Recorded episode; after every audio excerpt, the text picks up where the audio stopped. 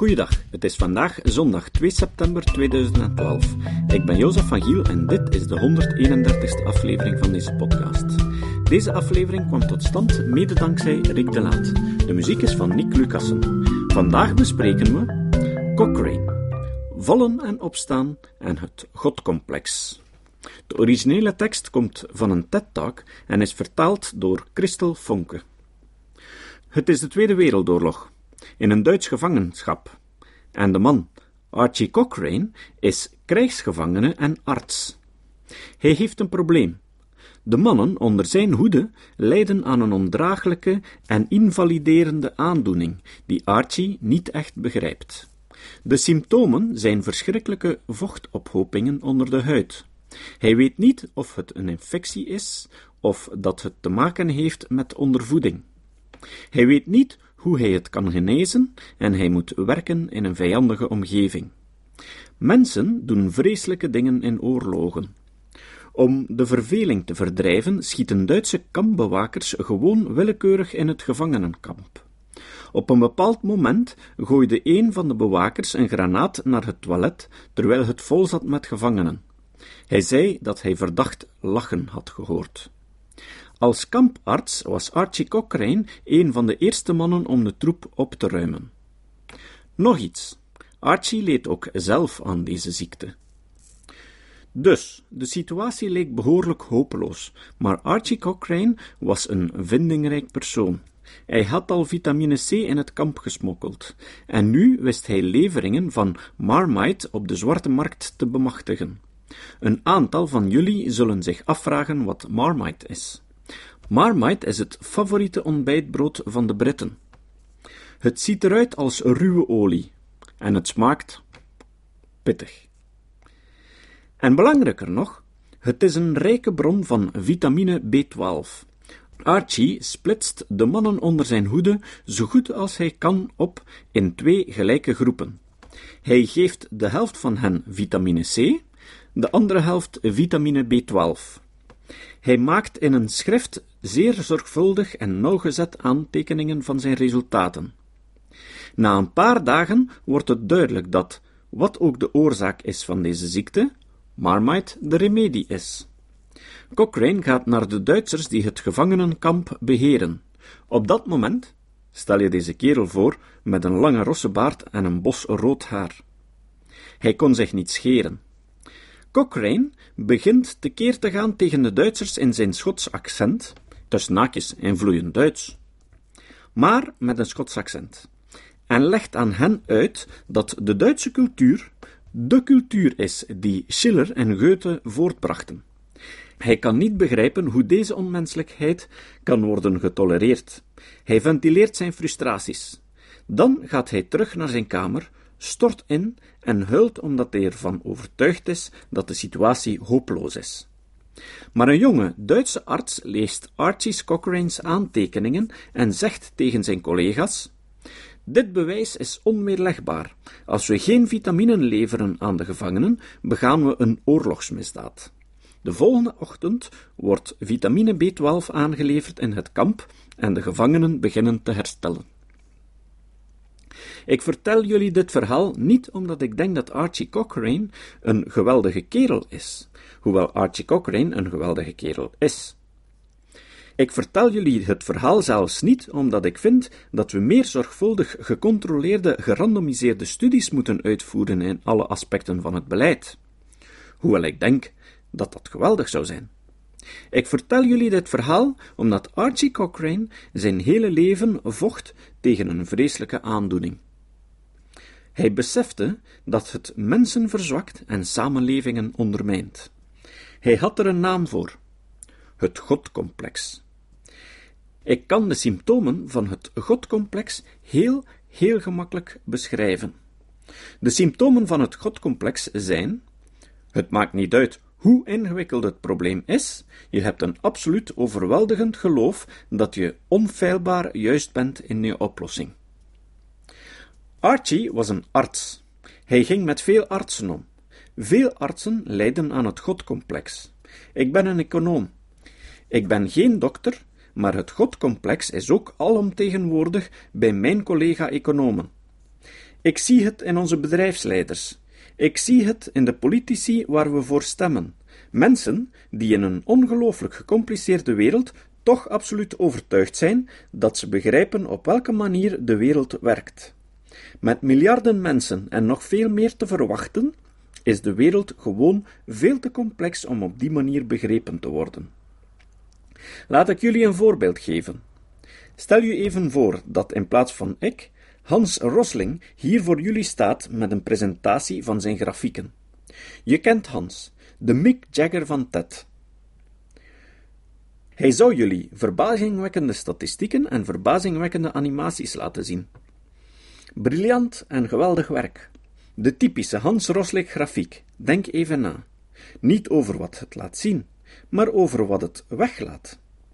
Hij zal je het bruto binnenlands product per hoofd van de bevolking laten zien, bevolking en levensduur. Dat is het zo'n beetje. Dus drie soorten gegevens voor elk land. Drie soorten gegevens.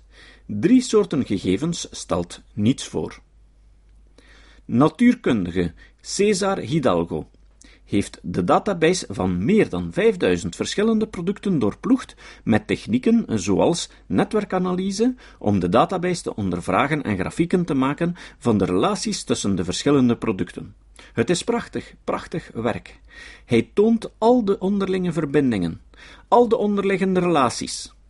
Ik denk dat dit van groot nut zou zijn om de groei van economieën te begrijpen. Briljant werk. Cesar en ik probeerden een stuk voor de New York Times magazine te schrijven om uit te leggen hoe dit werkt. Wat we geleerd hebben, is dat Cesars werk veel te goed is om uit te leggen in New York Times magazine. 5000 producten. Dat is nog steeds niets. 5000 producten. Stel je voor dat elke productcategorie in Cesars Hidalgos gegevens geteld worden. Reken 1 seconde per productcategorie. Tijdens de duur van deze zitting zou je ze alle 5000 geteld hebben. Stel je voor dat je hetzelfde doet voor elk ander type product te koop in Walmart. Er zijn er 100.000. Het zou je de hele dag kosten. Stel je nu eens voor dat je elk verschillend specifiek product en dienst telt, te koop in een grote economie zoals Tokio, Londen of New York. Het is nog moeilijker in Edinburgh, want je moet daar ook alle whiskies en kilts meetellen. Als je ieder product en service aangeboden in New York zou willen tellen, kom je aan 10 miljard. Het zou je 317 jaar kosten. Zo complex is de door ons gecreëerde economie. En ik tel gewoon broodroosters. Ik probeer niet om het met een Oostenprobleem op te lossen. De complexiteit is ongelooflijk. Een stukje van de context.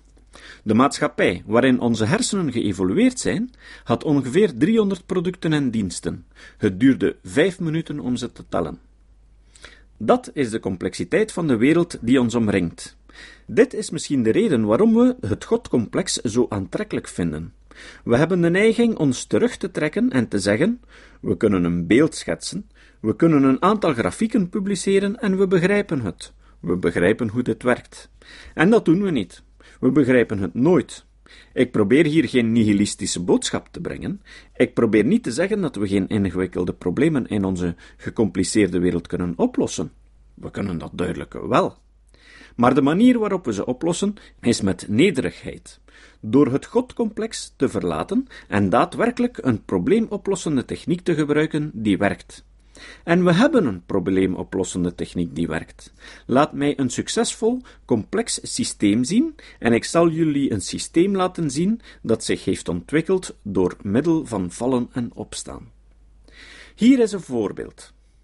Een baby werd geproduceerd door middel van vallen en opstaan. Ik realiseer me dat het een dubbelzinnige verklaring is. Maar misschien moet ik het verhelderen. Een baby is een menselijk lichaam. Het is geëvolueerd. Wat is evolutie? Variatie en selectie over miljoenen jaren, variatie en selectie, vallen en opstaan, vallen en opstaan. Het zijn niet alleen biologische systemen die wonderen produceren door middel van vallen en opstaan, je kan het ook gebruiken in een industriële context. Veronderstel dat je wasmiddel wil maken. Laten we zeggen dat je Unilever bent en je wil wasmiddelen maken in een fabriek in de buurt van Liverpool. Hoe doe je dat? Je hebt een geweldig grote bak vol met vloeibaar wasmiddel. Je pompt het onder hoge druk door een mondstuk. Je maakt een spray van detergent. Als de spray opdroogt, verandert hij in poeder dat op de vloer valt. Je schept het op en doet het in kartonnen dozen. Je verkoopt het in de supermarkt. Je maakt heel veel winst. Hoe ontwerp je dat mondstuk? Dat blijkt van groot belang. Als je het godcomplex onderschrijft, dan acht je jezelf een beetje god. Je denkt dat je een wiskundige bent of een fysicus. Iemand die de dynamiek van deze vloeistof begrijpt. Hij of zij zal het optimale ontwerp van het mondstuk berekenen. Unilever deed dit en het werkte niet. Te ingewikkeld. Ook dit probleem is te ingewikkeld. Maar de geneticus, professor Steve Jones, beschrijft hoe Unilever wel degelijk het probleem oploste. Met vallen en opstaan, variatie en selectie. Je neemt een mondstuk en je creëert er tien willekeurige variaties op. Je probeert ze alle tien uit en houdt diegene die het beste werkt. Je maakt tien variaties op die ene, je probeert ze alle tien uit en je houdt diegene die het beste werkt. Je probeert tien variaties op die ene, je snapt hoe dit werkt. Juist. Na 45 generaties heb je een ongelooflijk mondstuk. Het lijkt een beetje op een schaakstuk. Functioneert absoluut fantastisch. We hebben geen idee waarom het werkt, geen enkel idee. Het moment dat je afstand doet van het godcomplex en gewoon een heleboel dingen uitprobeert, een systematische manier bedenkt om te bepalen wat werkt en wat niet, dan kan je problemen oplossen. Dit proces van vallen en opstaan is in succesvolle instellingen veel gewoner dan wij willen erkennen. We hebben veel gehoord over hoe economieën functioneren. De Amerikaanse economie is nog steeds 's werelds grootste economie. Hoe werd ze werelds grootste economie? Ik kan je allerlei feiten en cijfers geven over de Amerikaanse economie, maar ik denk dat het meest opvallende dit is. Elk jaar verdwijnt 10% van de Amerikaanse bedrijven. Dat is een hoog percentage mislukkingen. Veel hoger dan het percentage mislukkingen bij de Amerikanen. Amerikanen verdwijnen niet aan een snelheid van 10% per jaar. Die leidt tot de conclusie dat Amerikaanse bedrijven sneller mislukken dan Amerikanen, en dat daardoor de Amerikaanse bedrijven sneller evolueren dan de Amerikanen. Uiteindelijk zullen ze zich ontwikkeld hebben tot zo'n grote perfectie dat ze van ons hun huisdieren zullen maken, als ze dat niet al gedaan hebben. Dat vraag ik me soms af. Maar het is dit proces van vallen en opstaan dat de grote divergentie verklaart. De ongelooflijke prestaties van de westerse economieën kwamen er niet dankzij een slim persoon aan de leiding van, maar door het proces van vallen en opstaan. De laatste paar maanden heb ik constant hierop gehamerd. Mensen zeggen soms tegen mij: Nou, Tim, het is toch overduidelijk. Uiteraard is vallen en opstaan erg belangrijk. Uiteraard is experimenteren erg belangrijk. Waarom blijf je deze voor de hand liggende boodschap brengen? Dus zeg ik: Oké, prima. Je zegt dat het voor de hand ligt. Ik zal toegeven dat het voor de hand ligt als scholen beginnen met kinderen te leren dat er ook problemen zijn zonder een juist antwoord. Stop met hen vragenlijsten te geven waarvan elke vraag een antwoord heeft. En dat er geen autoriteitsfiguur bestaat die alle antwoorden weet en dat je lui of dom bent als je het antwoord niet kunt vinden. Als scholen stoppen met dat uit te dragen, zal ik toegeven dat het duidelijk is dat vallen en opstaan een goede zaak is. Wanneer een politicus opstaat en campagne voert voor zijn partij en zegt: Ik wil ons gezondheidssysteem hervormen, ik wil een oplossing voor ons onderwijs, ik heb geen idee hoe ik dat moet doen, ik heb wel enkele ideeën, we gaan ze testen. Ze zullen waarschijnlijk allemaal mislukken. Dan zullen we een aantal andere ideeën testen, tot we er één vinden die werkt. Daarop bouwen we verder. De ideeën die niet werken, laten we vallen. Wanneer een politicus campagne voert op die basis, en nog belangrijker, wanneer de kiezers zoals jij en ik bereid zijn om te stemmen voor dat soort politicus, dan zal ik toegeven dat het duidelijk is dat vallen en opstaan werkt. Tot dan tot dan zal ik blijven hameren op vallen en opstaan en waarom we moeten afstappen van het godcomplex, omdat het zo moeilijk is om onze eigen feilbaarheid toe te geven. Het is zo ongemakkelijk. Archie Cochrane begreep dit als geen ander. Hij deed een proef vele jaren na de Tweede Wereldoorlog. Hij wilde een vraag uittesten. Waar kunnen patiënten het best herstellen van hartaanvallen? Moeten zij herstellen in een gespecialiseerde hartafdeling in het ziekenhuis of thuis? Alle hartspecialisten probeerden hem te stoppen. Ze deden in hoge mate aan het godcomplex. Voor hen stond het vast dat hun ziekenhuizen de juiste plek waren voor patiënten. Ze wisten dat het zeer onethisch was een experiment of studie te doen. Toch slaagde Archie erin toestemming te krijgen voor zijn studie. Hij voerde ze uit. Nadat de studie een tijdje bezig was, verzamelde hij al zijn collega's rond de tafel en hij zei: Nou, heren, we hebben een aantal voorlopige resultaten. Ze zijn niet statistisch significant, maar we hebben iets. Het blijkt dat jullie gelijk hebben en dat ik verkeerd ben. Het is gevaarlijk voor patiënten om thuis te herstellen van een hartaanval. Ze moeten opgenomen worden in het ziekenhuis. Er ontstaat tumult en al de artsen beginnen op de tafel te bonzen en zeggen: We hebben altijd gezegd dat je immoreel was, Archie. Je doodt mensen met je klinische studies. Je moet ze nu afsluiten. Sluit ze onmiddellijk af. Iedereen praat door elkaar. Archie wacht tot het lawaai uitsterft en dan zegt hij: Nou, dat is heel interessant, heren. Toen ik jullie de tabel van de resultaten gaf, ruilde ik twee kolommen van plaats. Het blijkt dat opname in het ziekenhuis mensen doodt en dat ze beter af zijn thuis. Willen jullie nog steeds de studie afsluiten, of moeten we wachten tot we degelijke resultaten hebben? Toen werd het muisstil in de zaal. Cochrane deed dat soort dingen. De reden dat hij dat soort dingen deed, is omdat hij begreep dat het zoveel beter voelt om daar te staan en te zeggen: Hier, in mijn eigen wereld, ben ik een god. Ik begrijp alles. Ik wil niet dat mijn mening uitgedaagd wordt. Ik wil niet dat mijn conclusies getest worden. Het voelt veel comfortabeler aan de wet gewoon vast te leggen. Cochrane begreep dat het uitdagen van onzekerheid en feilbaarheid pijn doet. Soms is het nodig dat je wakker geschud wordt. Ik beweer niet dat dit gemakkelijk is. Het is niet gemakkelijk. Het is ongelooflijk pijnlijk. Sinds ik begon te praten over dit onderwerp en het onderzoeken van dit onderwerp, word ik echter achtervolgd door iets wat een Japanse wiskundige ooit zei over het onderwerp. Kort na de oorlog ontwikkelde een jonge man, Yutaka Taniyama, dit fantastische vermoeden. Het Taniyama-Shimura-vermoeden.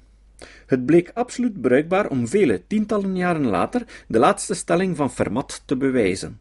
Sterker nog, het blijkt dat het gelijk staat aan het bewijzen van de laatste stelling van Fermat.